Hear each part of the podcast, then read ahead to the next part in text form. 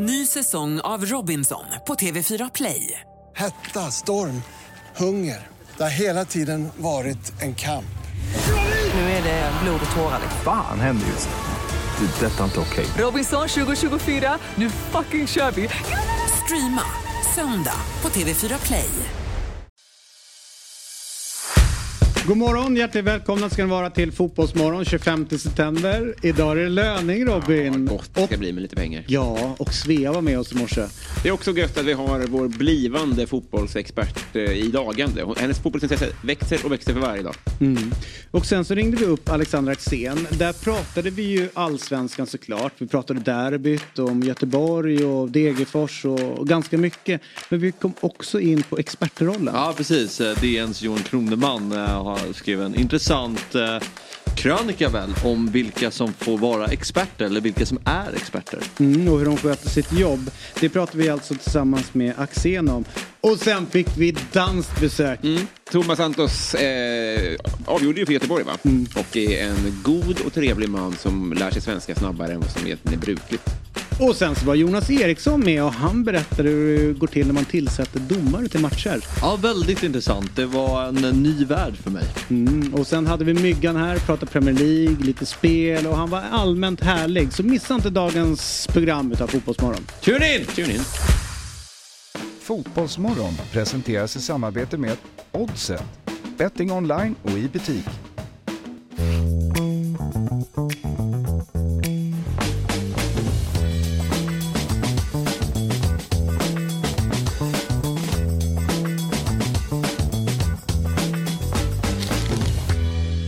God morgon, hjärtligt välkomna ska ni vara till Fotbollsmorgon. Vi skriver in den 25 september, vecka 39 och är ju dagen där det smäller, eller hur? Den 25.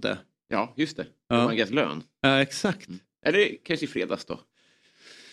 Eh, Alltså normalt sett brukar det vara så att om löneutbetalningen ligger på en helg så kommer det ju liksom på fredagen. Ja, just det. Så Men nu är det ju den 25. just Ja. Och då är det en måndag. Så att jag tror liksom att det kan ha varit så att det varit ganska tajt för en del under helgen. Ja. Men idag smäller det. Det- Ja, äntligen måndag. Vilken jävla måndag. Det bara fylls på på kontorna och eh, veckans bästa dag. Så är det. Eh, så här är det. David Fjell heter jag. Eh, Robin Berglund är här och Fabian Ahlstrand. Och eh, det är alltså avsnitt 311. Ska vi ta oss till eh, nationalarenan. Mm. Avspark 15.00. Eh, AIK mot Djurgården, detta derby. Och du tänker vad då om den här matchen? Ehm, nej, men jag skulle vilja höra vad Martin Åslund säger eh, faktiskt. Jag har en hang-up på Han hans... kommer nu. ja, det vore kanon. Ja, Så eh, Ricky Lake. ja exakt. Derry, Derry. Nej men eh, han har väl en, jag har en hang-up på att han har en hang-up på att eh, det typ inte finns eh, spöken och sånt där. Alltså om ni förstår vad jag menar. Utan allt, är, um, allt går att hitta i taktik och sånt där. Nu parafraserar jag, han skulle säkert uttrycka det. Men liksom derbyspöket måste väl vara av internationella mått. Alltså det behövs inga Jag- spökjägare. jag- Alltså, jag får säga snabbt eh, innan du kör vidare. Det är ganska intressant det ni säger därför att Henning Berg sa ju efter matchen också att han hade tydligen spelat i Lyn eller tränat Lyn. Och eh, varje gång de mötte Vålerenga, oavsett om Vålerenga låg i topp eller i botten. Mm. Eh, och, eller Lyn toppen eller botten och de andra, ä- även fast de låg varsin ände utav liksom, tabellen. Vålerenga toppen. Så vann de nästan alltid mot Vål- Vålerenga. Att det liksom, det hänger kvar. Jag tror att vi har försökt att ta upp det här i eh, runt Premier League-lag också. Där det är så tydligt att vissa lag, oavsett vad, alltid vinner mot ett annat lag. Ja. Och då är det frågan, så här, vad ligger bakom där? För om man kollar Gnagets lag nu, det är typ majoriteten av dem har knappt spelat derby, om man säger de nya. Nej precis, precis. Mm. Och rätt många i Djurgården har ju inte liksom känt de här tio åren utav att inte kunna vinna på nationalarenan och liknande.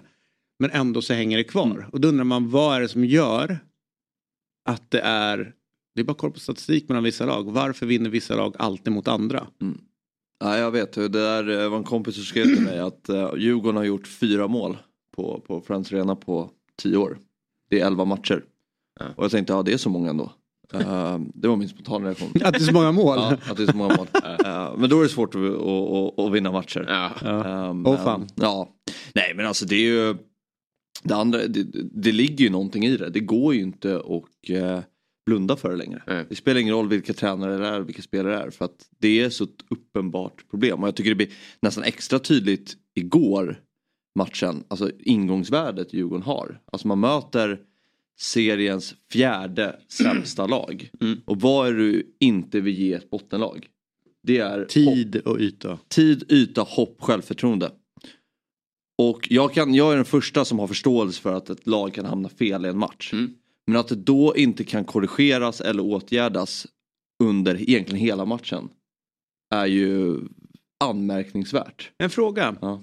Ehm, för jag eh, sitter ju ganska nära bänken och eh, jag tyckte också det var konstigt men ändå så stod ju tränarna och ville få upp laget hela tiden. Ja. Att de inte gjorde det. Och eh, så har vi den här magköraren. Mm. Jag tyckte att det var väldigt alltså så här, energifattigt på något Ja. sätt. Att inte krafterna fanns. Nej. Tror att eh, det här inte låter som att man skyller bort sig eller skyller ifrån sig.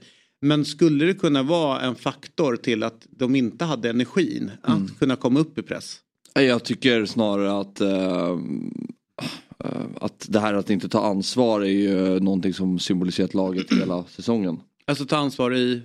eh, enskilda matcher, i eh, grupp, dyna, dynamiska frågor, i eh, egentligen om man ska ta hela säsongen som, för jag tycker den här matchen är så tydlig eh, och eh, ur liksom, om man ska, hur den här säsongen har varit för Djurgården.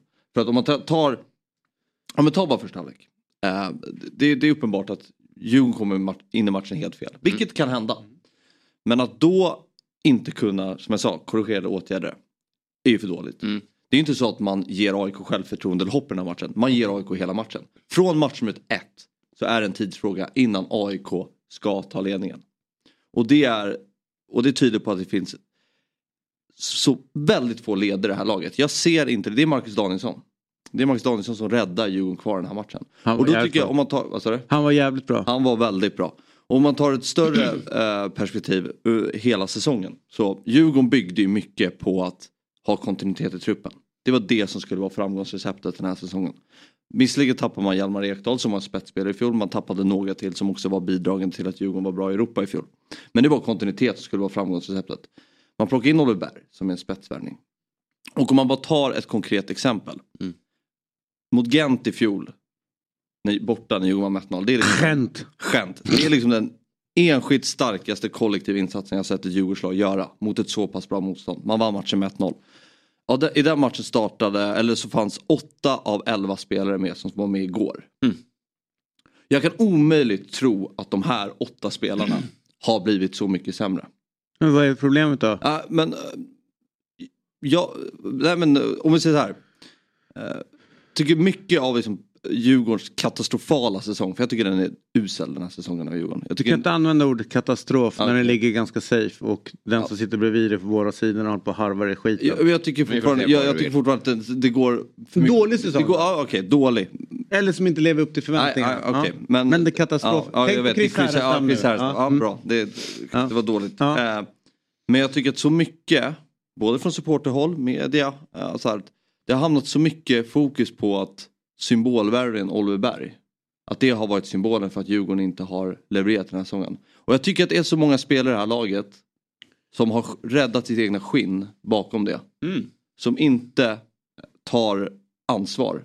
Eh, för det, för det, för det, och, och så här, den här förlusten tycker jag indikerar på något så mycket större än bara en förlust. Jag tycker att det är någonting måste ske i, i, i vinter. Att, om det är tränarbyte det vet jag inte. Men någonting måste hända och det är ganska mycket som Men vad skulle det kunna vara? Om det inte tycker tränarbyte, vad skulle det kunna vara? Nej, jag tycker att det är för många spelare där som, som jag sa, det är 8-11 spelare som var med och var en, liksom en, som var stommen i det som var så framgångsrikt i fjol. Det går inte att känna igen någon. Kanske Danielsson, kanske Schüller. Eller Danielsson och Schüller tycker jag man kan känna igen. Jag tycker den här insatsen tyder på att det finns så mycket större problem. Att det är, det är ett oharmoniskt lag. Det behövs rejäla förändringar i vinter. För den här insatsen är alarmerande och den är direkt den är direkt ovärdig Djurgårdens IF. Mm, jag hör det. Det, är, eh, det, det sjuka är att eh, normalt sett så skulle man ju kunna vilja vara lite dryg nu men jag känner frustrationen och eh, det du har så jag kan inte vara det mot dig. Och det är lustigt för att jag kan hålla med om att ni har kommit undan ganska mycket i kritik att det bara fastnats på Oliver Berg. Men är det inte Mm. två fönster nu egentligen som har varit lite problematiska för Alltså där det inte har suttit, där laget har blivit tydligt bättre trots att man har investerat. Eller hur Abs- ser du på det? Alltså det, Ja. det, är, det är inte det kommer kanske inte som en överraskning men, men mycket annat har liksom ly- lyckats suddats över att ändå resultatet har kommit men spelarna kanske inte har Nej, lyckats liksom fylla på som man har hoppats på. Jakob Bergström som är tillbaka, Oliver Berg som är tillbaka och så vidare. Det har ju inte satt, de har inte pr- prickat rätt. Nej men jag tycker att med, med om man har en sån stark stomme i fjol som varit så viktig för Djurgården under flera år. Och så ska du få in spelare som ska liksom spetsa till det. Då tycker jag att det största ansvaret det ligger hos den, de spelarna som varit med här tidigare. Det är de som är stommen, det är fortfarande de som ska bära det. Och då och om spelare inte lyckats leverera som kommer in utifrån. Då tycker jag någonstans att det ska kunna skyddas bakom att det finns en stomme där. Att det Eh, finns en ryggrad. en- Men den är ju helt borta. Som jag säger, det är bara Marcus Danielsson, Rasmus Schüller tycker jag är spelare som verkligen har i år stått upp och visat. Liksom, att En fråga, Mange Eriksson, eh, lagkapten. Det var jag läste sjuka grejer på, eh, på sociala medier igår som faktiskt egna supportrar skrivit till och om honom. Eller kanske inte till men om honom. Sådär. Eh, att han får ju sjukt mycket hat eh, och skit från folk. Jag tycker ändå att han försöker, alltså så här, han, han sticker ut för att han försöker ta ansvar som lagkapten, grotta och alltihopa. Men bara så här, varför får han så mycket skit? Kan du förklara det för Ja, mig? ja, det vet jag inte. Alltså Eh, han försöker, alltså det är inte så Ja. att han är loj, att han skiter i det. Alltså allt det du pratar om med ansvar och engagera sig, energi. Han försöker göra alltihopa. Och det är så här, jag vill inte anklaga någon spelare i laget att inte försöka. Men om, om det blir att det inte funkar som kollektiv så blir ju individen så himla drabbad. Mm. Och eh, det är det jag tycker är, för det, det som alltid har varit, eller det som har varit Djurgårdens, det som man har kännetecknat med Djurgården har ju varit att det har varit ett lag. Det kanske inte har varit de största stjärnorna men det har varit ett lag Mm. som har tagit sig väldigt långt under många år. Här. Eller, ja, men man har idel topplaceringar. Det laget ser jag inte längre. Jag Nej. ser inte det kollektivet igår. Men det hade ju kunnat varit det och jag tänker så här, var det, var det, är det verkligen så spelarnas stora problem? Eller, för jag känner ju att AIK fick jävligt mycket tid Ja. eh, hela tiden. Och det kan... Det, Och att man har en tränare som försöker få upp backlinjer och de lyfter inte ordentligt. Alltså, det var ju mycket sådana konstiga signaler som en, ändå fanns där. Mm. Eh, och i paus så tror man att till andra så ska Djurgården komma ut och ja, ja, nej, verkligen det, så ja. här, visa att okej vi är topplaget. Mm. AIK är de som har det jobbigt. Nu ska vi eh, liksom ligga högt och pressa hårt. Det tycker jag var konstigt att till exempel Sotte, som de flesta lagen som har kommit till Friends i år när man har kollat på har ju sett till så att Milosevic inte ska få upp spelet. Mm. Sotte ska få det och så sätter de ganska hård press på honom. Men när Sotte får så mycket tid som han fick igår eh, då, är, då, då kan ju han liksom ta de där crossbollarna och så börjar man liksom få Mm. börja flytta på Djurgården lite grann. Så det tyckte jag var lite konstigt att, att vara, det var ganska tacksamt för Gnaget att spela fotboll.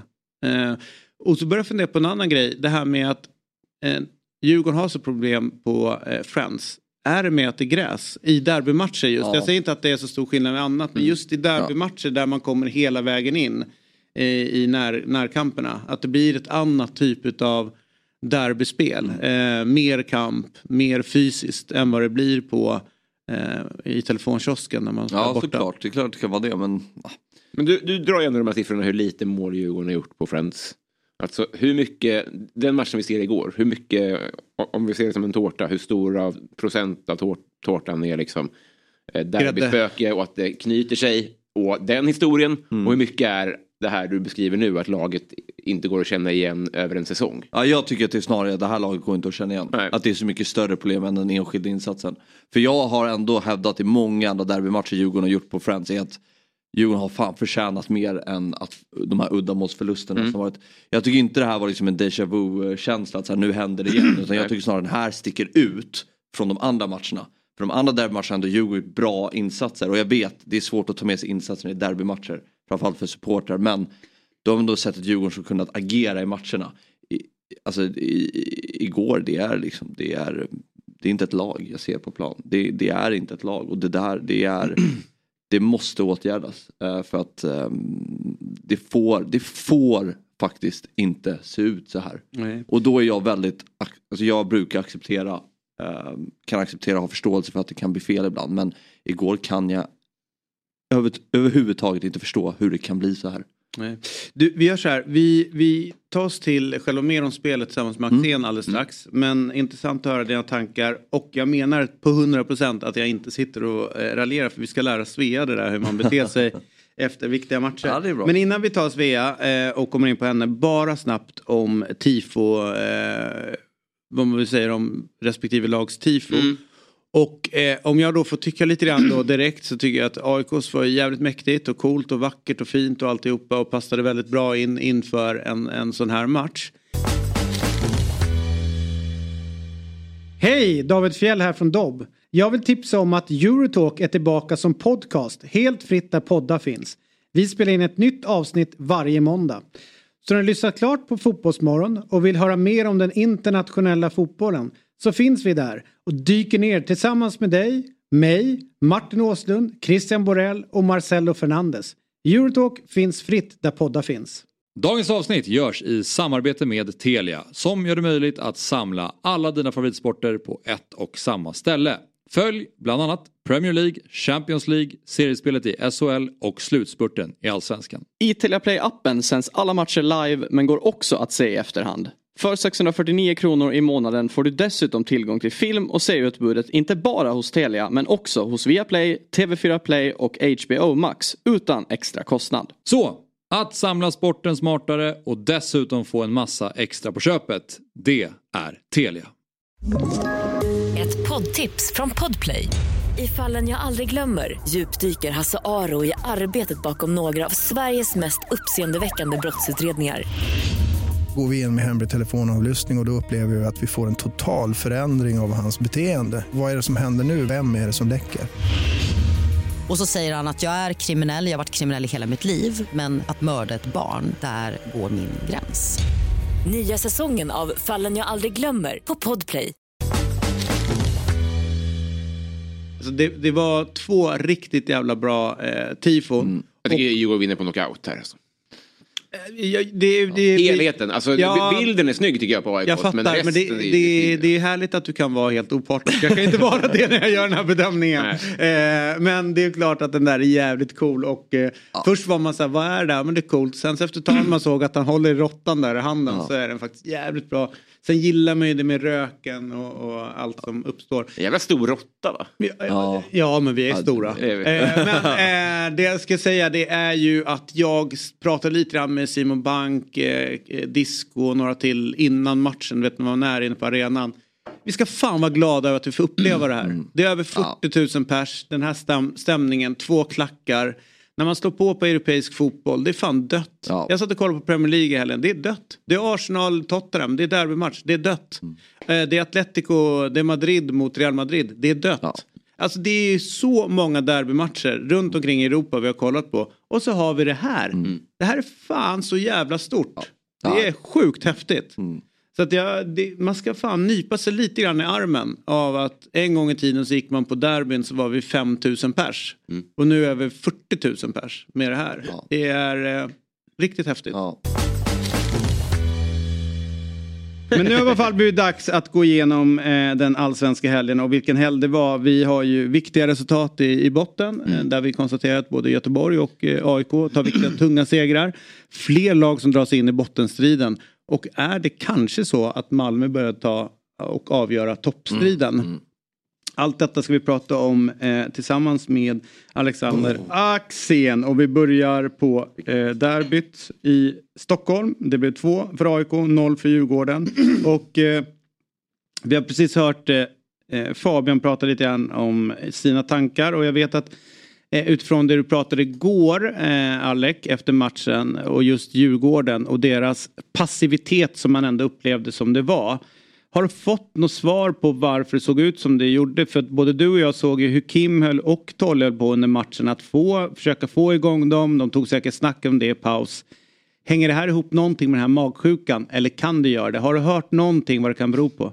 Ingen har sagt någonting till mig om det här. Jag frågade lite om det liksom och kände väl på något sätt att när Marcus Danielsson står och hänger på knäna efter typ 30 minuter att det är någonting som inte riktigt stämmer. Men eh, ingen sa någonting, ingen som ville skylla på det efteråt heller så att eh, det var bara en härdsmälta egentligen. Och att Djurgården kommer att spela precis som Hammarby gjorde i vårderbyt, det är för mig en gåta att man ger AIK mm. så här mycket tid och plats. Alltså jag, jag var i chock och tänkte att ja, ja, men det är 0-0 och nu kommer de rätta till allt i halvtid och nu kommer de bara mosa. Men det händer ju ingenting i andra halvlek heller skulle jag säga. Så att, eh, jag är jätteförvånad och skulle vara ruggigt frustrerad om jag var Djurgårdssupporter alltså för att eh, man kan ju förlora men det här var ju liksom inte ens ett försök att, att vinna känns det som.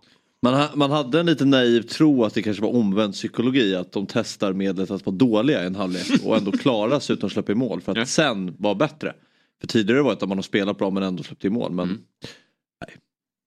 Ja, stora, stora grejer i kombination. Jag, jag satt ju och funderade lite grann på spelare som han saknar under matchen. Du, du nämnde Schiller men jag tycker inte att han har den matchen. Och de är ju som du Nej. säger eh, Alec, de är tre. De är ju liksom numerärt överläge egentligen centralt.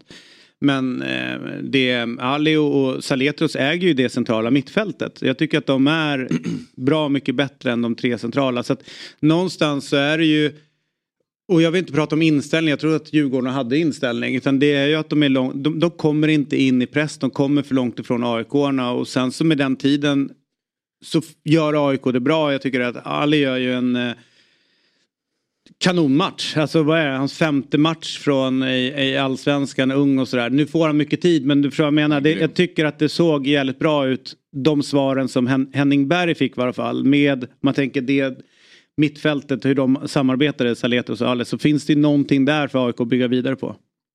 Jag har varit kritisk till det här 4-4-2, att det har varit för stora ytor för de två på mitten och fått jaga bollar otroligt mycket. Och Samtidigt var det ganska bra med bollen ändå. Jag, jag har liksom frågat Saretos flera gånger, hur orkar du typ? Alltså det känns som att man springer flera mil där inne hela tiden.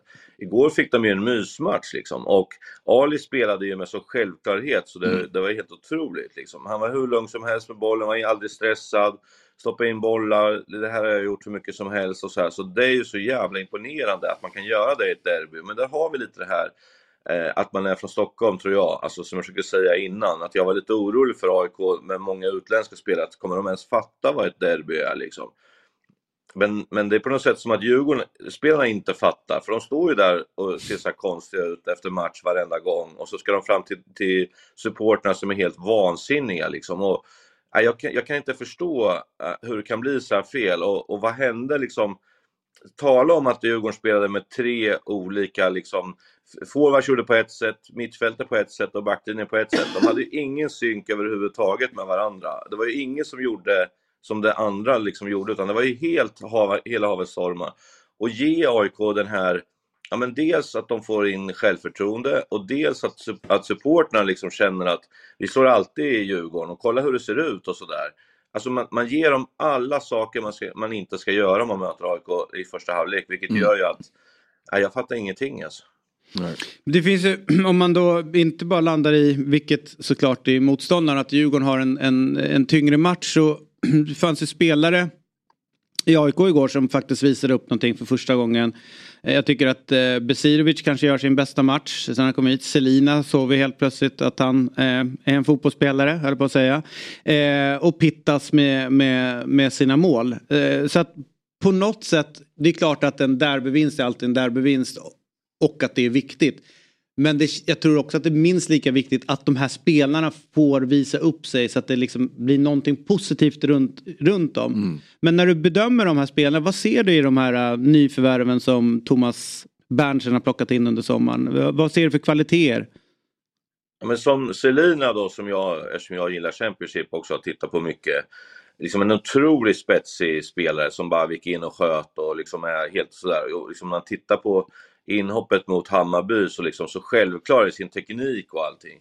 Så jag hyllar ju honom lite inför Degerfors-matchen då. Och där vet jag fan vad som hände. Det såg ut som en som aldrig hade spelat fotboll egentligen. Alltså tappa bollar, var stressad och ja, det var jättekonstiga beslut och ja, jag tänkte vad, vad, vad är det som händer typ? Men det är ju att han inte har spelat fotboll på så länge tror jag, att det kommer gå lite upp och ner. Men då att man kan trycka till en sån här match, då visar man att man har kvaliteter, precis som de andra spelarna med.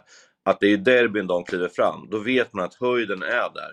De behöver bara få till det nu över tid. Och det är inte så bara, men att, att man kan göra det på beställning i en sån här viktig match i ett derby, då, då finns det kvaliteter från de här tre spelarna, absolut. Och jag tycker att Pitas gör sin bästa match, inte bara för de två målen, han är också fem avslut i första halvlek där det är väldigt nära att det blir någon halv meter till så blir det helt perfekt. Så att eh, eh Eh, jag tror också att om, när han känner att AIK fick till det här spelet, då vart han också mer fokuserad på att vara på rätt platser.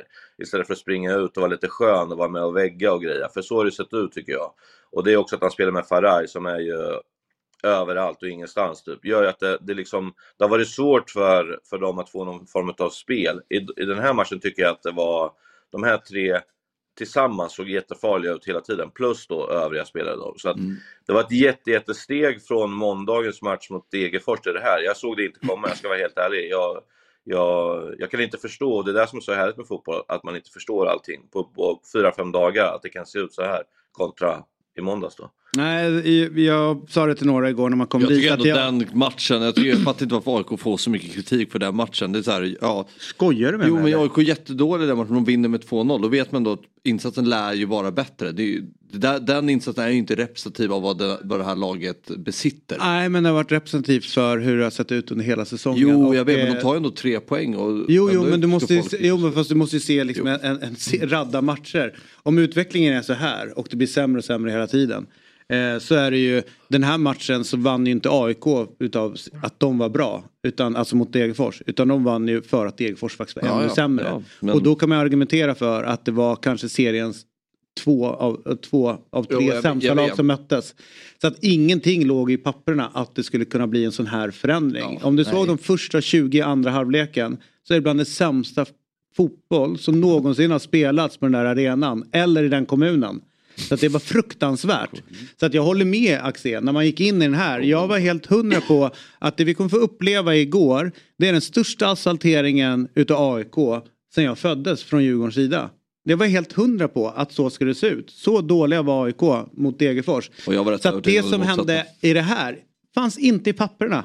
Inte någonstans Nej, nej. att AIK skulle stå upp Nej, på det här sättet. Aldrig. Jag sa ju i sändningen också att vinner inte Djurgården nu, då vet jag inte när de ska vinna. Nej. För så, så kändes det liksom så. Men du hör ju när Fabbe säger, jag visste att det skulle se ut så här. Det är ju det som är problemet. Ni har ju sått minuspsyke Fabbe så det är larvigt alltså. Tala om lillebrorskomplex alltså. Vad är det ni var rädda för? Hur kan man gå ut och tänka att, eh, alltså, de har inte sett AIK om man som Djurgårdssupporter tror att det inte ska gå liksom. För att Alla lag som gått högt på AIK har fått otroligt bett. Eh, Till och med Degerfors som inte gör en bra match. De stör ju AIK fullständigt, har full kontroll på matchen fram till 1-0 egentligen. Och så går ni ut och gör precis tvärtom, precis som Hammarby typ. För mig är det... Jag håller med dig. Jag vet Jag- inte, alltså, det är så negativt tänk och, och liksom...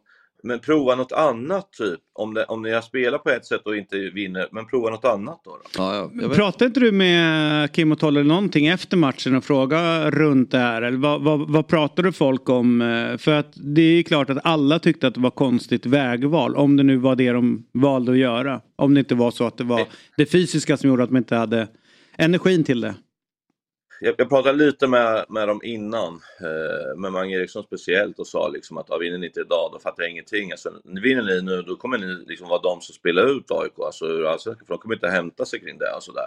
Och då kändes det som ett, ett Djurgården som kom i harmoni, var liksom så här lite sköna, skrattade lite när man gick in, sånt som jag har lärt mig nu att det där betyder att man mår bra liksom. Eh, men det såg man ingenting av. Och sen efteråt, jag har ju lite problem på Friends. Jag, jag åker inte hiss, så när jag ska gå i den här jävla katakomben ner så är den alltid låst. Så jag har fått klättra ner från studion och gått ut eh, på läktaren. Eh, nu var den dörren låst, så jag fick klättra över de här nätena som var där som skulle skydda då mot eh, det där grejen. Har vi rörligt på det här? Drog ner sig från tifot. Ja men typ, typ nästan. Alltså. Ja, det, var, det var ett haveri utan dess like. Liksom, så. Men, så därför var jag inte och mötte eh, Djurgårdsspelarna för de åkte sen i bussen därifrån. Men jag pratade lite med AIK-spelarna efteråt och de var ju också lite sådär att eh, fan vad de viker ner. Alltså, det är otroligt liksom. Eh, det, vi bara stoppa ner dem i fickan varenda gång. Jag fattar ingenting. Liksom. Du, ehm, kan AIK sluta oroa sig för Superettan nu eller? Och direkt ur, det tror jag faktiskt. De behöver en poäng till så tror jag att eh, den, eh, den är klar. Eh, Sirius ska, eller Degerfors ska alltså vinna 2 plus 1 kryss för att gå om AIK. Eh, det tror jag kan bli svårt, även om de har Varberg. Men vi såg också vad Varberg kunde göra igår.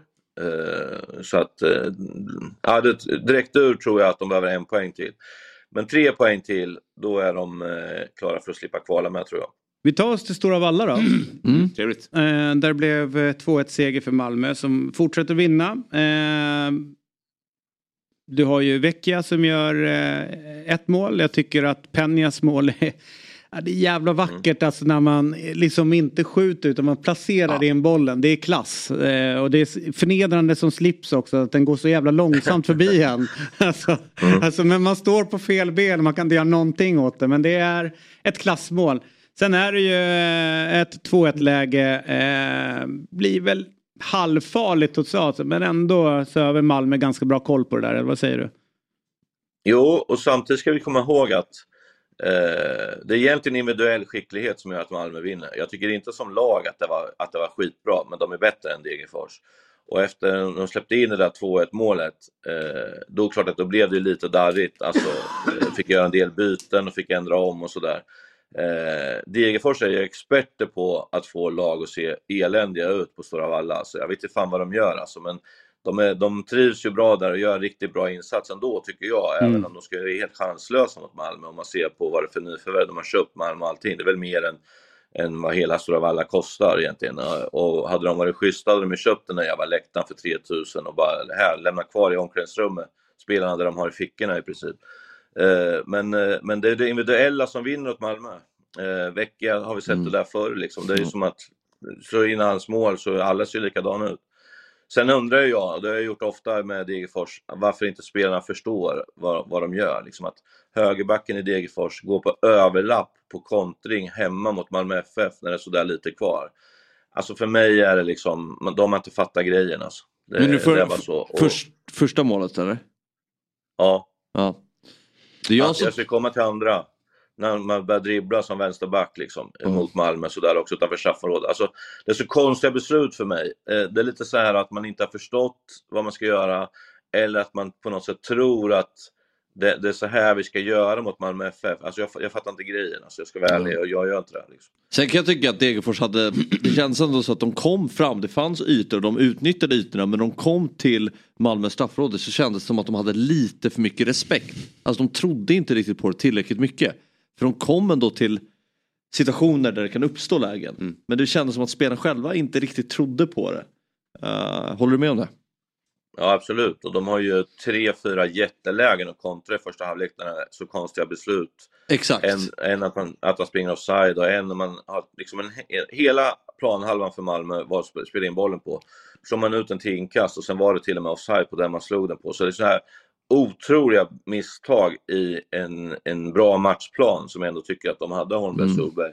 Så, så kvaliteten är ju bara för dålig och Mm. det är väl inget konstigt att vi kanske inte ska gnälla på dem för att de har inte bättre kvalitet men i de här fallen alltså en division 4-spelare kan passa in den där bollen på halva planen. Alltså. Fanta Ali behöver fem poäng på sex matcher. Det kan bli tufft alltså. Ja, fan. Jag säger kämpa. Du, eh, vi tar oss till Kalmar. Eh, jävla tung seger ändå de gör där eh, mot Häcken. Men frågan ställer, man ställer sig då, är det dubbeljannen för, i Häcken som sliter för mycket?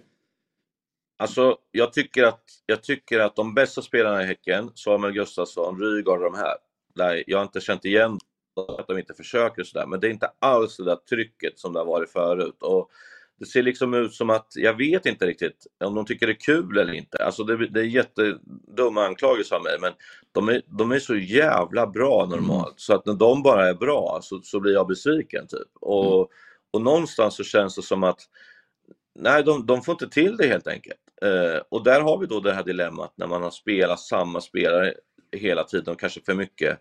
Att man kan inte byta in några andra för det blir inte, det blir inte samma spel. Liksom, utan eh, Man kan ju hylla Högmo för att det är en otrolig fotboll men jag säger att det är de där tre på mitten som de har gjort grejer som man inte kan träna på utan de bara litar på varandra. Smackar in hårda passningar, de vinklar till varandra och det är hit och dit och fram och tillbaks.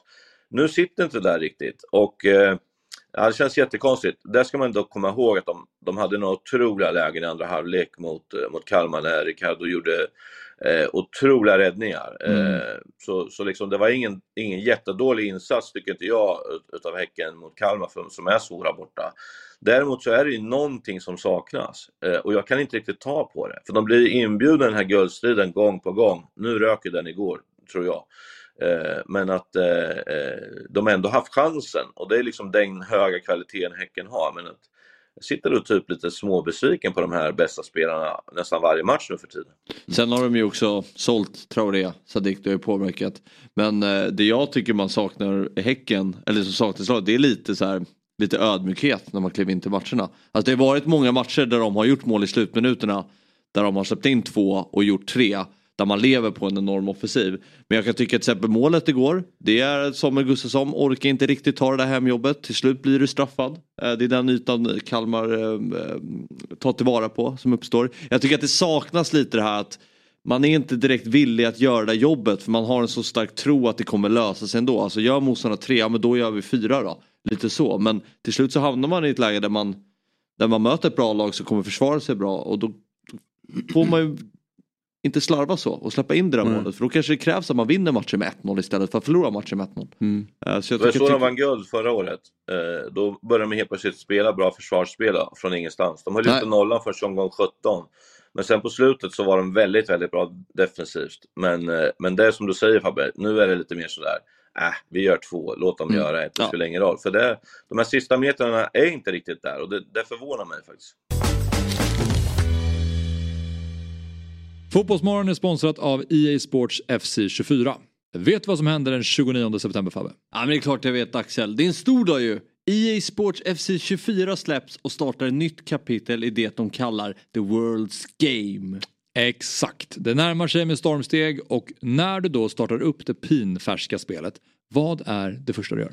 Ja men eh, det man omedelbart vill göra är att hitta det laget man vill spela med och eh, det känns som att det finns väldigt många alternativ den här gången. Mm. Och eh, vilket tror du att det kommer landa i? Ja, jag vet inte, förra året var det Real Madrid men jag tror inte att det kommer vara den här gången. Jag lägger mina kort på Manchester City. Mm. Och om du spelar Djurgården, vilken spelare i Djurgården tror du är bäst? Ja men rent statsmässigt så måste det ju vara Marcus Danielsson. Mm. Det kanske allra finaste med EA Sports FC 24 är att de har fullständiga rättigheter till just allsvenskan. Men de har självklart också Premier League, Serie A, La Liga, Bundesliga och mer än 30 ligor därtill. Okej, så i stort sett alla man kan tänkas vilja spela med. Jajamän, och dessutom finns Champions League, damernas eh, Champions League, brittiska Women's Super League och tyska Bundesliga för damer i spelet. Ja, herregud, det finns en del spelarstats att kolla upp för mig då. Jag längtar inte lite efter det här nu. Om du förbokar spelet nu Fabbe, då behöver du bara längta till den 29 september. Jag tar upp mobilen och bokar ett spel redan nu.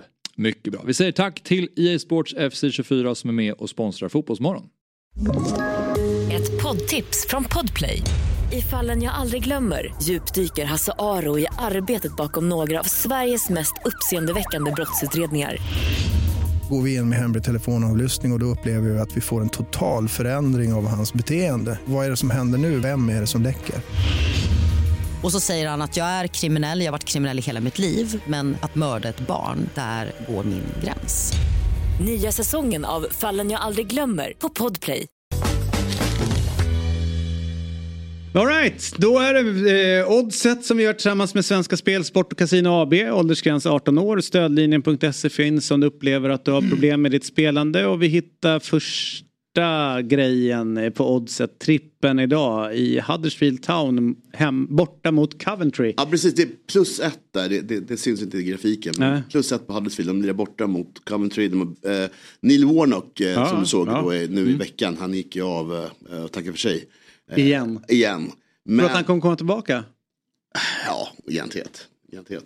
Eh, Men, men det, Är han den coolaste ledaren vi har haft? han är nog det faktiskt. Han, är, han var generellt ganska rolig under matchen också och bjöd fansen på mycket, mycket Han kul spex. Har du sett den här sjuka grejen han går mot Exakt, kameran? exakt. Där? Eh, Är det han som är ett klassiskt klipp från omklädningsrumsnack eller? Någon sån här för...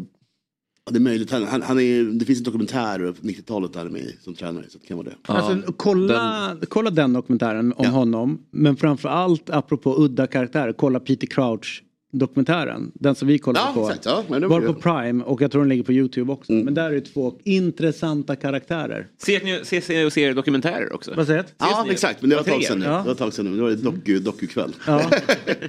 då, då var det Peter Crouch senast. Så vi umgås. Jag hade ens kollat en Eh. film med en kompis. Nej, jag var- tio. Michael Dags 2 och vi kör Peter Crouch. Ja, Del ett. 50-åringen. eh, Huddersfield eh, är, är lite kul lag och Co- Coventry gör inte så mycket mål. Eh, båda lagen är rätt pissiga tabellmässigt. Men de har fått Darren Moore, ni kommer ihåg honom, stora eh, killen som tog upp Sheffield Wednesday så han fick sparken lite underligt. Mm. För han vill ha trippellön hävdar Sheffield Wednesday, det tror inte jag på. Men så kan det vara. Det är en jättebra tränare och det är ett bra lag, bra go. Så Mm. jag tror att plus ett är jättebra. Och hur dåliga är Coventry? Du ska veta att de var ju på vippen att ta sig upp till Premier League Ja, förra precis säsongen. Men eh, blev ju lite brandskattade väl eh, vad, vad gäller laget. Eh, Gyökeres bland annat har ju lämnat och sådär. Det är liksom Nu- Middlesbrough och Coventry är lite samma problem, att Ja. lite brandskattade. Coventry har gjort aningen bättre, det är jämna matcher. De är ganska lika Huddersfield och Coventry, att de, de torskar ju aldrig stort. Det är väldigt, väldigt jämnt och så kryssas det en hel del. Men Hur går det för Ajari där? Får han spela något eller? Eh, han får spela, det här, nu var det två matcher sedan jag kollade sist, men han lirade då i alla fall. Så var ligacupen var han lirade också. Mm. Det är nog bra. Jag tycker fortfarande det är ett misstag att gå ifrån. Ja, ja, ja, ja, ja, ja. 100 På procent. bänken. 100 procent. Allt, Eh, hellre sitta på bänk under De Serbi i Premier League än att eh, hamna i botten. Riktigt skitlag. Ja. Ja, det är otroligt. Men Hedman spelar fortfarande eller? Country? Ja, och Roland Nilsson. Och Roland Nilsson. Ja, hela hela, hela Ja, rövgänget ja, där runt. All right. Sen har vi Elfsborg, fina Boråslaget som ska vinna borta mot Halmstad på eh, Örjansvall på gräsmattan där. 1,81 gånger pengarna. Känns den där given eller? Inte given, men jag tycker att det är liksom litet, lite högt pris för Elfsborg. Mm. Eh, 6-1 på konstgräset hemma. Och eh, Elfsborg är så mycket bättre än Halmstad på i stort sett alla positioner. Så jag tycker att 1,80 är väldigt, väldigt, väldigt givmilt. Mm. De är inte i bästa formen, men de, samtidigt så tappar ju Häcken nu. Det finns ju mycket incitament nu för dem att gå för Mm. det igen. Jag tycker Hedlund har sett bra ut sen han kom tillbaka också. Fast alltså- de har typ förlorat varje match. Ja men exakt, Men ändå, här- sett helt okej ut och fått liksom Ja. högst eh, lovord också när jag liksom läst lite press efter matchen också. Han? Ja. Ja, nej, men han var bra. Eh, och sen sist men inte minst, Värnamo. Eh, jag har någon, eh, jag satt igår och räknade deras poäng. De, kommer ju, de har ganska mycket lätta matcher framför sig. Ja, ja. Alltså de kan komma Det ser väldigt bra ut. Ja, jag vet. Det är jättejobbigt. Så att, eh, jag tror att Värnamo kan komma för eh, kanske Djurgården eller Bayern om det fortsätter. Ja, så att jag tror de slår Sirius. Och Sirius har också har, har, har lättare matcher eh, än det här. Och tyvärr, Sirius klarar inte av eh, den bortamatchen. Kanske lite lurad av eh, Varberg-vinsten senast hemma också. Blir All det right. kval för Sirius tror ni? Och om ni har fel får ni inte heta expert. Nej, det tror jag inte att det blir kvar för Sirius. Jag tror BP kommer att åka ner. Alltså, det kommer nog stå Degerfors BP Varberg. Men det säger jag inte som expert utan som supporter. Varberg är Varberg är nog nere. Men Degerfors... Ja men eh, Varberg, ja, Degerfors ja. eh, och BP. Det är, Okej, de, tre, bra, det är ja. de tre det står om där nere. Jag Liksom. tror det kan vara Degerfors och eh, Varberg ner och sen slåss om tredjeplatsen mellan dem. Ja. Mm, precis. Det är rimligt. Så att det är 8.32. Det är, Ja, det är, nej, men det är också... precis Ja, till jag vet inte om du har sett eh, utbudet idag. Nej. Det är inte... Ja, det, det är... är- ingen Serie A, det är ingen Premier League, det är, ingen det är ganska mycket off. Det är ju cupvecka i veckan, när vi ligacupen Mm. imorgon redan. Ska vi prata lite Premier League med Myggan då? Det tycker jag är härligt. Mm. Eh, Och eh, jag noterar att vi börjar få ett problem med den engelska fotbollen. Berätta mer. Så här. De, eh, det börjar liksom bli för cementerat nästan med eh, kvalitetsmässigt. Alltså att Premier Leagues pengar nu börjar verkligen tala. Och inte bara i relation till övriga Europa. Utan att vi börjar få en relativt, gruppen utav bra lag öka. Men jag tänker att de som kan vinna är väl typ de samma. Men problemet är ju de som kommer upp nu. Nu ser vi ju Luton har gigantiska problem. Sheffield United får ju en 0-8 i arslet. Eh, och Burnley går tungt och liksom kan ju inte riktigt spela sitt, även fast de försöker. Nej. Då är, det här är alltså Burnley som skrattar sig igenom serien förra året Mm. i Championship men är så långt efter ligan. Det här mellanskiktet nu är det, jobbigt. Det, det är lite jobbigt för- att se faktiskt. För jag ser, jag ser inte så mycket ljus i tunneln för men, särskilt Luton och Sheffield United. Kanske Burnley har någon, någon Mm. tillväxel. Men, men eh, det där sättet som, som eh, de kör lite så här Brighton-bål på det sättet. Byter Mm. mycket spelare i Mm. Burnley och sånt. Det har ju inte de riktigt manskapet för. Och mot United, de är ju liksom de är ju numret mindre. Så att, nej, det, det, det är tråkigt att se och jag tror att det kommer bara bli värre och värre med åren. Trots de här parachute-betalningarna när du åker ner Ja, för det gör upp och de sånt. kommer upp och så här, Precis men de- så. Så verkar inte, men cementerar ju också på sitt sätt Championship ännu mer. Att de här lagen kommer så mycket pengar nu i Championship. Menar, Ja, att de är toppen där. Ja, exakt. Nu är Southampton inte Ja. så bra, men till exempel då Leicester som Nu- var liksom. Är det den svagaste nykomlingar någonsin? Det är, ju, det är svårt att, att ha perspektiv ju. såklart. Ja, men det efter känns, åtta omgångar. Det känns jätte, jättetufft för dem och det känns som att vi kommer att cementera saker ännu mer där nere. Och eh, det här upp och ner jurysystemet, kanske sju lag liksom, Mm. eh, så att säga, som rör sig så här. Det är ju mardrömmen. Jag tycker du måste ha större perspektiv. Förra året gick ju- fann du ju alla kvar. Alltså, det är väl lika mycket anomali som det här är. Mm. På en tioårsperiod får man väl Ja men de har, det är det de har gjort, de har börjat kolla över tid mera. Okej, det är och, det var ja, och se liksom att det är vissa lag som går upp. De kanske håller sig kvar något år men sen åker de ner. Mm. Alltså det är svårt att etablera sig som, som ett Premier League-lag. Om du kollar de som tidigare var lite jojo-lag men har lyckats stanna kvar. Fulham, Crystal Palace och sådana. Nu bör de bygga upp en ekonomi som gör att de faktiskt, liksom, även fast de skulle åka ner Mm. så kan de köpa kvar sig till en... Ja, visst, eller Wolverhampton. Ja. Men det har blivit tydligt i Europa också i Champions League. Att det är färre lag som är konkurrens. Riktigt Nej, Jag gick igenom det för jag fick ju på näsan här förra veckan om att det alla minsann kan vinna. Och, ja men du vet så. Men så är det ju ganska långt ifrån när man börjar gå igenom vilka lag det är som vinner och från vilka ligor det är. Alltså det är, Ja, ju, det är ju- det är ju jättestängt. Ja, ja, Så enkelt är ja, det. Du hade ju rätt där. Mm, nej men tydligen inte. Nej. Men Eh, får jag bara säga om Burnley? Alltså, visst, nu har jag ju så här, de kanske inte har spelarmaterialet som är tillräckligt bra. Så här, de måste ju spela på ett visst sätt för att det är störst chans att få poäng. Men fan vad tråkigt det är att titta på när Burnley spelar fotboll. Mm. Det är Alltså, skittråkigt. det här bilda fotbollen, visst det är, men det har ju blivit som, fotboll blir nästan mer och mer som schack. Då. Mm, och det, det blir är- så här, vänta på motståndarnas drag för att sen göra vårt drag. Och man känner ju som tv-tittare att ni kommer bli överkörda. Alltså det kommer inte hålla det här. Alltså, Mm. Gjorde ni ett misstag kommer de straffa er så hårt också. Precis, och så möter de ju bedrö- jag tycker Manchester United är bedrövliga Ja, det är ändå matchen. liksom, vad, vad, är- vad var det jag hörde igår? Dublins Iniesta, eh, Johnny Evans som är liksom där och springer runt. Och att han är 45 år gammal. tillbaka i Ja, det är United. Det är alltså. helt missat. Ja men han kom in på kortkontrakt. Ja, men, nu alltså. Nej i somras. Men Ja, tydligen gjort det ganska bra.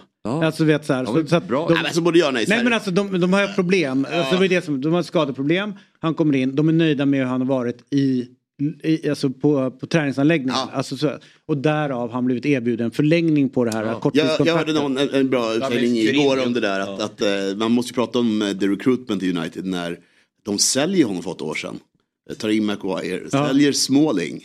Ja. Tar in Evans, Smalling lirar i Roma. Ja, exakt. Det är så konstigt. Ja, och hela den snurren med... Hela den snurren är så, Ja. så misslyckande som monumentalt. Så fort man ser den i, jag tycker det ser ut som testimonier varje gång. Ja. Att det är, Ja, exakt. det är hyllningsmarsch hela Ja. säsongen. Ja, exakt. Tack för den här tiden. Ja, du spelar fotboll? Ja, ja, ja, ja. Roy Och så Keane när Phil kommer- Jones kom in och startade någon match förra säsongen också. När som helst dyker som upp Phil hände? Jones. Precis när som helst. Tänk på när de står där tillsammans i en match mot Men, City.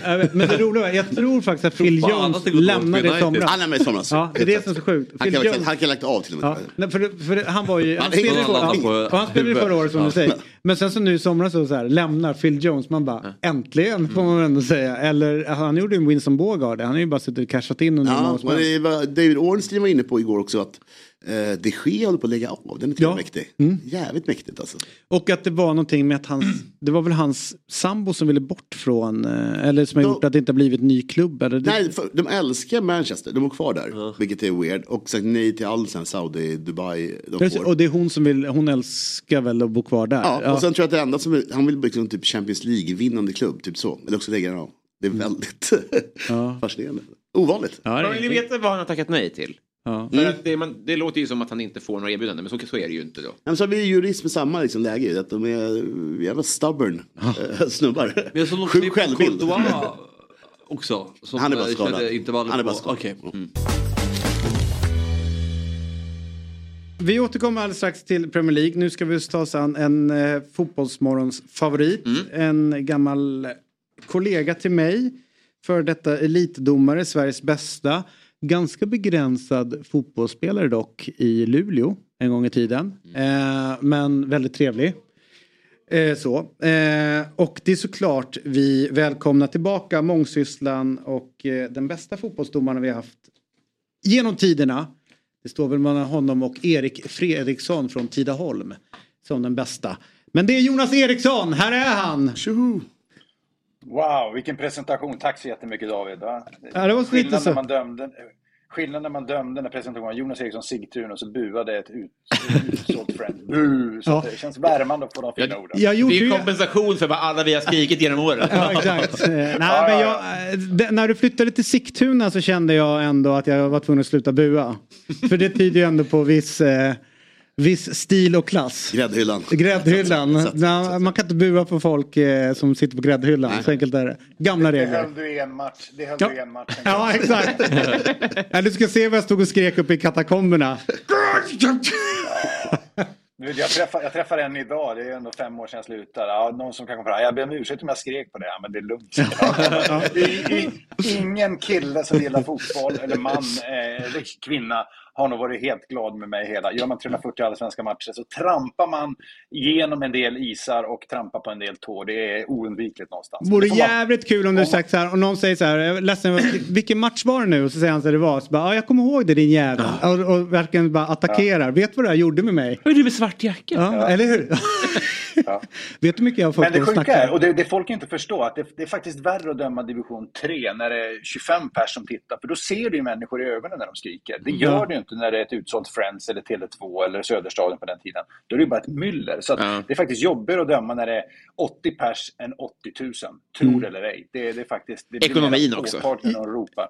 Ja, Hur, också, det där, såklart. men det där tycker jag är intressant hur man utbildar domare idag. Tycker att, det är, hur tycker att utbildningen i Sverige är bra med domare? Att de får börja liksom underifrån och ta sig upp genom seriesystemet. Ja, men det är väl en, en, en rimlig faktor. Jag menar, ni sitter ju inte med i den här studion för att ni är nyss, utan ni har ju erfarenhet och kunskap, så det är klart det måste finnas en stege. Däremot tycker jag att ibland borde det gå snabbare. När man hittar någon i division 4 som är skitbra, upp med honom eller henne Mm. Gör gräddfiler. Vi, det är inte så att det knackar på jättemånga bra domare upp till eliten. Så hitta de bra killarna och tjejerna, ge dem snabb matchning. Det behöver inte vara rättvist. Det är inte rättvist i yrkeslivet heller. Vissa får snabba jobb, jättefina jobb snabbt Exakt. för att de är duktiga. Ja. Så att hitta de som är bra, eh, matcha upp dem. Och det är lite mycket armbågar, det är lite mycket revirpisseri, framförallt i storstäderna där man ska stå på kö och vänta. Upp med de domarna som är bra, eh, med respekt för att man ska såklart eh, se till att kompetensen alltid drivs, inte alltid per ålder, per automatik. Du, Förlåt, förlåt. Eh, Jag, när jag dömde, jag var ganska duktig. Ja, det kan jag tänka mig. Jag då, tänka då, mig. då upplevde jag att när jag fick döma en final i en turnering, då fick jag ha linjedomare och det var fina led och det var så här. Det var, det var lite mer formellt och jag upplevde att eh, om man struntar i pressen så var det en lättare uppgift. Jag hade bättre förutsättningar. Eh, ju, ju högre upp jag kom med mina mått mätt. Var det så för dig också? Jag förstår ju som sagt att en Champions League eller VM-match har ett yttre press som inte går att jämföra med en med, här, mittenmatch i Allsvenskan. Men är jobbet lättare ju högre man kommer? Mekaniken är exakt densamma. Till exempel, och det, det, liksom, det blir, tror det eller ej, Barcelona-Manchester City är på sitt sätt enklare att döma än Örebro-Falkenberg i Allsvenskan samma år. Eftersom att när du dömer Manchester City-Barcelona, då vet du med, med den kompetens, i alla fall jag hade inom fotboll och spelförståelse, okej, nu har Dani Alves bollen, då sätter de igång spelet på det här sättet. Man visste exakt vilken strategi och tanke de hade. Mm. Om du flyttade till Bern Arena och Micke Almebäck fick bollen i uppspelsfas, det var inte lika lätt att veta. Planen var inte, Axén hade inte lagt lika tydlig plan för ÖSK det året. Eh, Almebäck hade inte samma fötter som Dani Alves, så det kunde hända väldigt mycket annat. Micke Almebäck är en fantastisk spelare och person, så det är inte personligt, utan det är mer generellt sett. Så att, ja, så var det. Sen blir det också den här resursfrågan. När du dömer i Superettan, som jag gjorde, då dömer du mot du tävlar mot dem i Allsvenskan och de i Allsvenskan tjänar två gånger så mycket. Många av dem gör det där mm, som proffs. Men du ska vara lika bra som dem med sämre förutsättningar. Eh, ett typexempel, titta i Allsvenskan, två helger sedan, Djurgården eh, mot Värnamo, stora diskussioner om domaren Adi Aganovic, Aganovic eh, insats. Eh, men bara en sån enkel grej, han har ett annat kommunikationssätt än vad de som dömer i Allsvenskan har. För ni såg han och hans assistent sprungit in med stora tejpbitar. Mm. Eh, Eftersom att de har en annan kommunikationsutrustning, så de tävlar inte på samma villkor. Men det innebär att du måste vara lite bättre än de som är där uppe, trots att du har sämre förutsättningar. Och samma sak är när du då som svensk domare kanske kommer ut i Europa och inte har samma förutsättningar som de andra har. Eh, Du dömer, eh, med all respekt, den matchen allsvenska lunken, säg Värnamo-Varberg, och sen så åker ut i Europa. Och Michael Oliver är samma sak, men han har dömt United City helgen före. Så att det skiljer ganska mycket då såklart i förberedelse. Men sånt är livet. Det är inte rättvist. Ibland så har man olika utmaningar och man, man kampas. När du söker jobb så har du ju ett annat CV än de du faktiskt fightas mot för att få det här jobbet. Jag noterar att eh, Glenn Nyberg gick från eh, Bayern München United till Degerfors Malmö på tre dagar. Eh, hur, alltså, domare på den nivån och sen gå från, alltså från en Champions League-match till en allsvensk match. Hur stor är skillnaden liksom i fysik? Alltså do, eh, domarnas fysiska kapacitet. eh, Med tanke på temposkillnaderna det- som är. Det, det är ju såklart en enorm temposkillnad. Eh, Det går ju inte att jämföra på, på något sätt.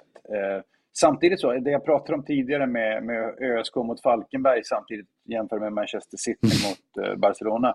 Det är så att bara för att det är bra fotboll, det kan ibland innebära att det- är svårare att döma eh, Degerfors-Malmö. För det blir konstiga situationer och det finns ju ingen som vet om vilken match som är svår att döma. Vissa matcher är svåra rent emotionellt, intensiviteten. Men vissa är ju bara att det händer massa skitsituationer i. Så att det kan vara tufft en sån match. Och jag tror, nu såg jag inte Degerfors-Malmö annat än lite highlights, men som domare, svensk domare när du är ute i Europa, eh, som jag var tidigare, som Glenn nu är till exempel. Så när du har dömt en stor match på onsdagen och så dömer du match i Allsvenskan på lördag, då tittar alla på det och tänker okej, nu ska vi se om han är förberedd, laddad, om han springer, om han bryr sig om det här. Och, och det kickade jag på, att alltid vara riktigt bra när jag var i Sverige. Att aldrig åka hem och tänka nu ska jag bara döma en match i Allsvenskan. Och, och egentligen det föll tillbaka på när jag själv spelade. 14-årig kille och så kommer domaren dit och så märkte man att de tyckte åh fan det är pojkar 14 idag, jävla skitmatch. Jag blev tokig. Mm. För, för mig var det den viktigaste matchen, de tre poängen, det var det viktigaste för mig den veckan. Och det handlar om respekt mot de som är där. Och jag tror att Glenn har den mentaliteten. Han är den typen av person som, som åker till Degerfors och gör det riktigt bra när man åker dit. Inte tar det med en klackspark. Du, eh, en grej som eh, du och jag har pratat med, i synnerhet när vi har jobbat med mästerskap, men även fört diskussionen kring allsvenskan, det är ju domartillsättningen. Eh, jag är ju nästan 100% säker på att en gång i tiden så pratade man om att de största matcherna i Sverige ska den bästa domaren få. Eh, därav hade du många stormatcher. Eh, vi vet att Stefan Johannesson hade många stormatcher och Frisk när han var som hetast fick de stora matcherna. Och det menar jag Blåvitt mot Malmö eller det är derbymatcher. Alltså när det verkligen, när det verkligen är kritiskt. Igår så sätter de in Fredrik Klitte i derbyt. Klitte har haft en tung period får man ändå säga i högsta serien där han hamnar i situationer. Vi har en domare, Glenn Nyberg, som trots att han dömer utan VAR och det ska vara omöjligt då att kunna få bra uppdrag i- Europa. Har ju fått väldigt fina uppdrag de senaste tiden. Både när det gäller eh, eh, Fifa-turneringar eh, och sen så nu då få Bayern München mot Manchester United. Hur kommer det sig? För att förr i tiden så vet jag att om du var domaren som hade Bayern United så var du också domaren som körde derbyt för då var du etta i Sverige.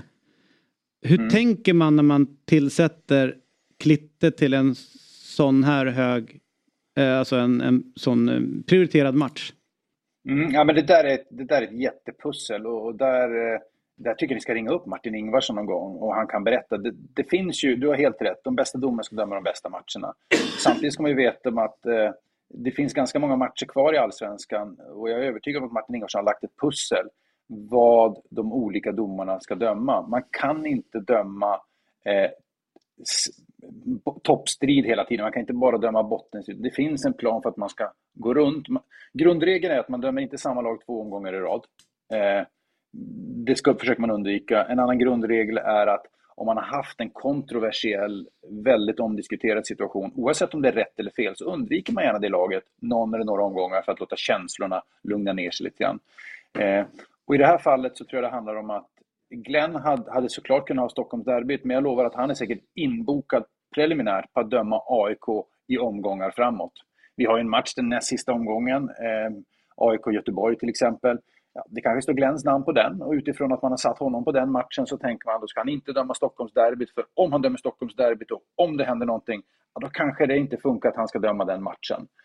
Sen ska vi veta att i Allsvenskan just nu så har vi det finns skador i gruppen vet jag. Du har Andreas Ekberg som har eh, av personliga skäl en liten timeout. Så det saknas ju kompetens, det saknas Mm. erfarenhet. Och då måste man belasta de bästa domarna. Och Glenn är ju för mig den främsta. Det innebär att han såklart inte kan ha AIK varje match. Eh, han kan heller inte ha toppmatcher utan det gäller att hitta en balans däremellan eh, och utnyttja honom. Eh, lagom mycket.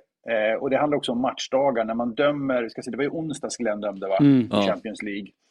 Eh, då kan man ju, man kan döma lördag och man kan döma eh, såklart när som helst veckan före. Men det handlar om att få, få rätt förberedelser också ibland. Eh, Jag tror att han dömde helgen före det hade han väl Sirius Värnamo.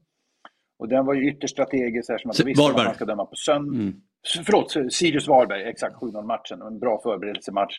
Men det är en perfekt att döma lördag och sen onsdag. Det är en bra återhämtning. På samma sätt som alla allsvenska lag som ska spela i cuperna, deras matchschema anpassas ju Mm, efter mm. Europaspelet. Mm. Och samma sak sker med domarna. Det är bara att vi ser inte pusslet.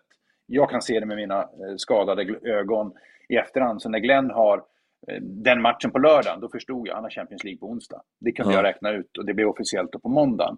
Eh, Men jag vet, jag hade, det fanns en sån här debatt, kan det vara 2013 vi hade någon allsvensk strid där eh, det skrevs i tidningar, jag menar, om det var Laul var på Aftonbladet skrev hur kommer det sig att Jonas Eriksson dömer eh, Mjällby, Elfsborg som inte betyder någonting, han behövs i guldstriden. Och då visste jag att det fanns en plan för mina sista tre omgångar. Jag visste exakt vad det skulle vara om allt funkade.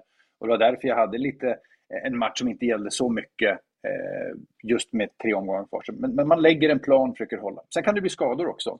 Och skador kastar om det mesta. Varför man inte öppnare med det då? För det, det, det, det blir ju en del frågetecken och folk spekulerar. Kan man inte bara säga så här, nej men eh, han ska döma AIK nästa vecka?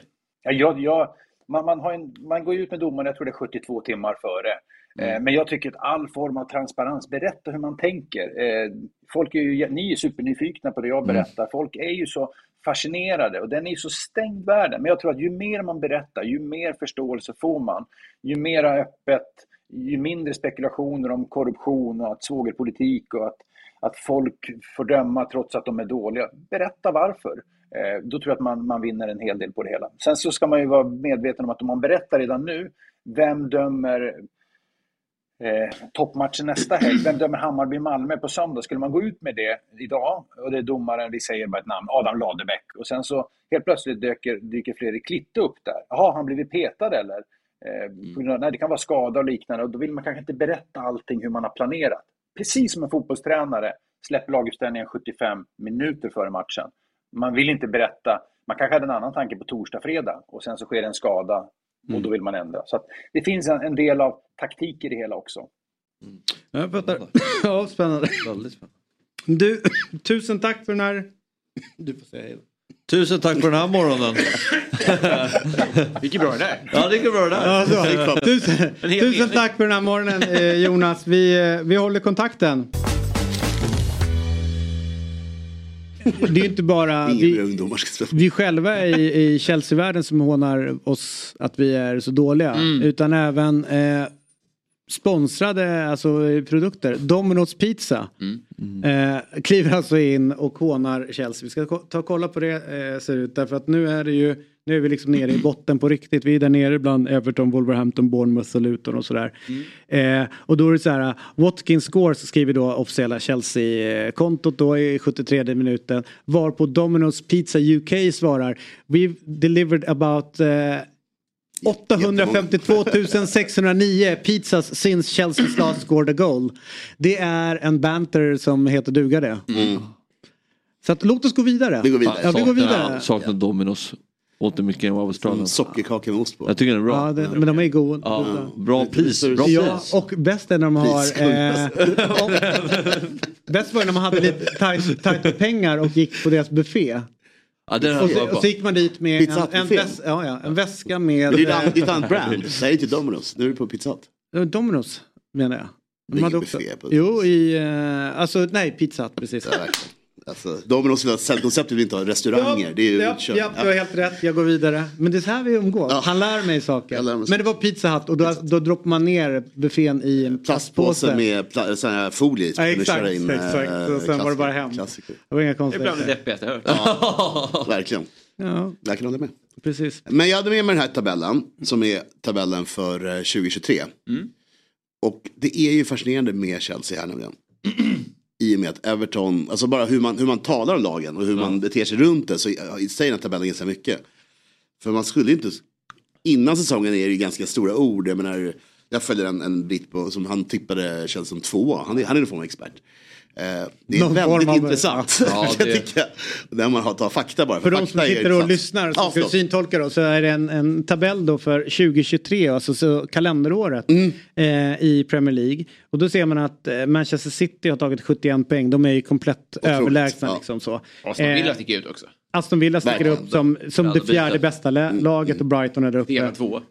Men om man ser längst ner då så är det Everton alla pratat om, eh, krislaget som har tagit 25 poäng under det här kalenderåret. Det har Chelsea också gjort. Så att det är ju verkligen, nu har vi själva internt fattat att det är så här illa men vi är rätt nöjda med att folk inte har pratat Ja, om nej, oss men på det sättet. det, det, det är inte för att trycka mer salt i såren, vilket det blir onekligen, inte meningen så. Utan det är bara kul när folk pratar om dem tycker jag. För att om man tar in den här tabellen inom varje omgång och tittar på den. Sen kanske de borde prata om, om hur, vad, vad de ska prestera för någonting. Och sen också, Manchester City vinner mot Wolves nu nästa vecka. Då står de sitt rekord för bästa starten någonsin. Och så den 71 poängen är ju verkligen, det är välförtjänt. De, de krossar ju lite under radarn. Ja, och dödar ju serien ganska tidigt nu känns det som. Ja Alltså- men det var intressant att det var ganska tajt ju faktiskt i lördags, får man säga. Mm. Sjukt. Nej men alltså de, de Nej, vinner ju och. Ja, eh, de de tar ju sina Ja, poäng. ja. Och det man vet att nu är ju eh, City ganska dåliga till man, om man känner till Peps liksom, formtoppning under säsongen så är det ju februari Största efter. nyheten i England var ju verkligen Roddys röda kort och Arsenal-matchen om två omgångar. Ja. Det, det spelar ingen roll. That's De, vinner med fyra. Ja. Det är inget problem. Det är Men vad säger du om derbyt då? Har du sett det? Mm, jag såg det Alltså, efterhand. Ja, var analys? Nej men det var inte, ingen vidare, det, det, rätt pissig fotboll. Alltså rätt mycket misstag. Och sen, jag är ju lite sucker för Romero, jag tycker att det, det är en festlig prick alltså. Han är överallt och ingenstans och sparkar. Och, alltid rött kort tycker jag. Ja, så härjar runt alltså.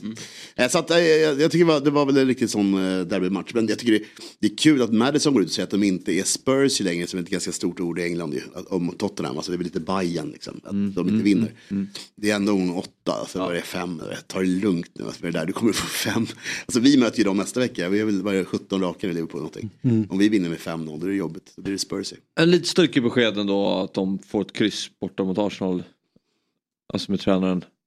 Att det var första testet liksom för dem. De Ja, det var mött- United också som, ja, som men de test och slog. test. Ja, jag håller med. Det här håller var ju ett Men- bra lag. mötte. Men kan man inte bara vända på Spurs det? Hur bra är Arsenal i år? Jag tror Arsenal Alltså är, Arsenal är de så bra som förra året? Ja det tror jag. Det, De är inte så roliga att titta på tycker jag men de är... De är nej jag tycker Arsenal är bra.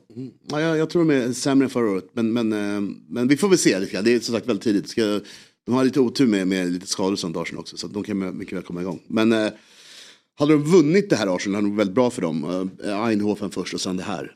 Bra skjuts så kommer tillbaka igen på hästen. Men, men vi får väl se. Det, det, det är väldigt, väldigt tajt.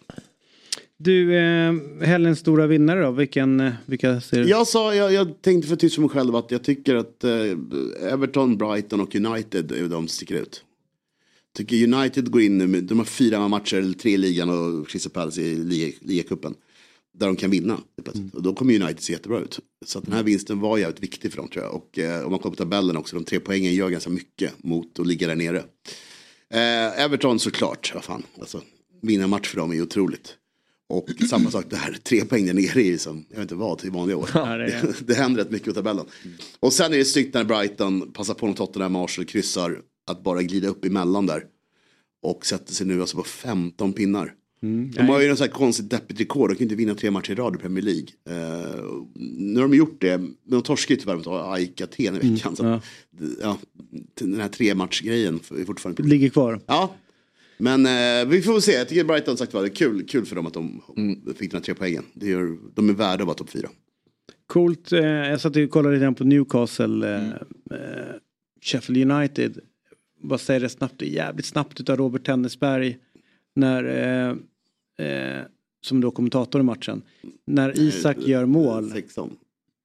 Nej förlåt, kör du. När Isak gör mål, det är ju 8-0 målet. Ah, okay. Så säger han så här, eh, ja mål av stockholmaren Isak 08. Alltså att han, han satte den så Han snabbt. satte ju tennissiffror på sexan. Vad säger Det känns som att han hade dem tydligt. Ah, ja, jo, men Och nu har vi jag, tyckte, jag, tennissiffror. jag vet men det kom så jävla snabbt. Nej, jag vet. vet De har fan byggt upp scenarion Jag för syns att det- förbereda det- Isak Ja, jag kör antar, 8 men- vid, vid 3-0, nej, men vid, nej, men vid, vid 3-0 eh, så skulle man känna att det här kunde gå illa.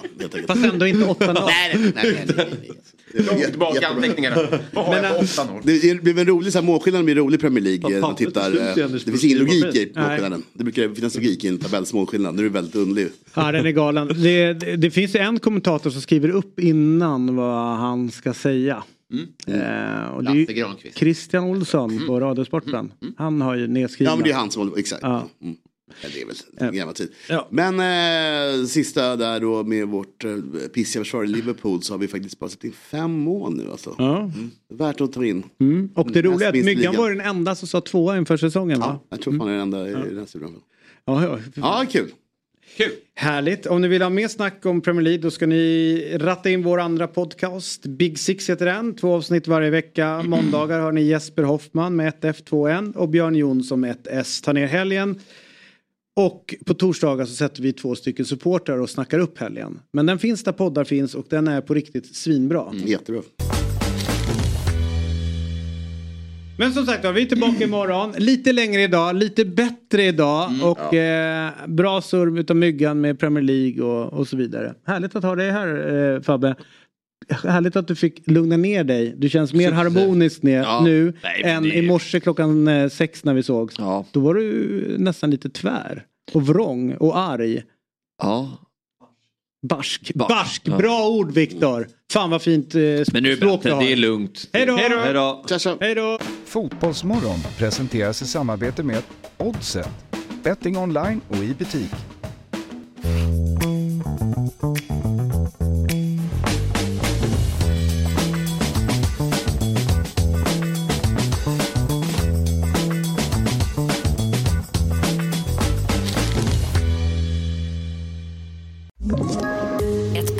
Från Podplay. I podden Något Kaiko garanterar östgötarna Brutti och jag, Davva, dig en stor dos skratt. Där följer jag pladask för köttätandet igen. Man är lite som en jävla vampyr. Man har fått lite blodsmak och då måste man ha mer. Udda spaningar, fängslande anekdoter och en och annan arg rant. Jag måste ha mitt kaffe på morgonen för annars är jag ingen trevlig människa. Då är du ingen trevlig människa, punkt. Något Kaiko, hör du på Podplay. Därför arkadeinerna.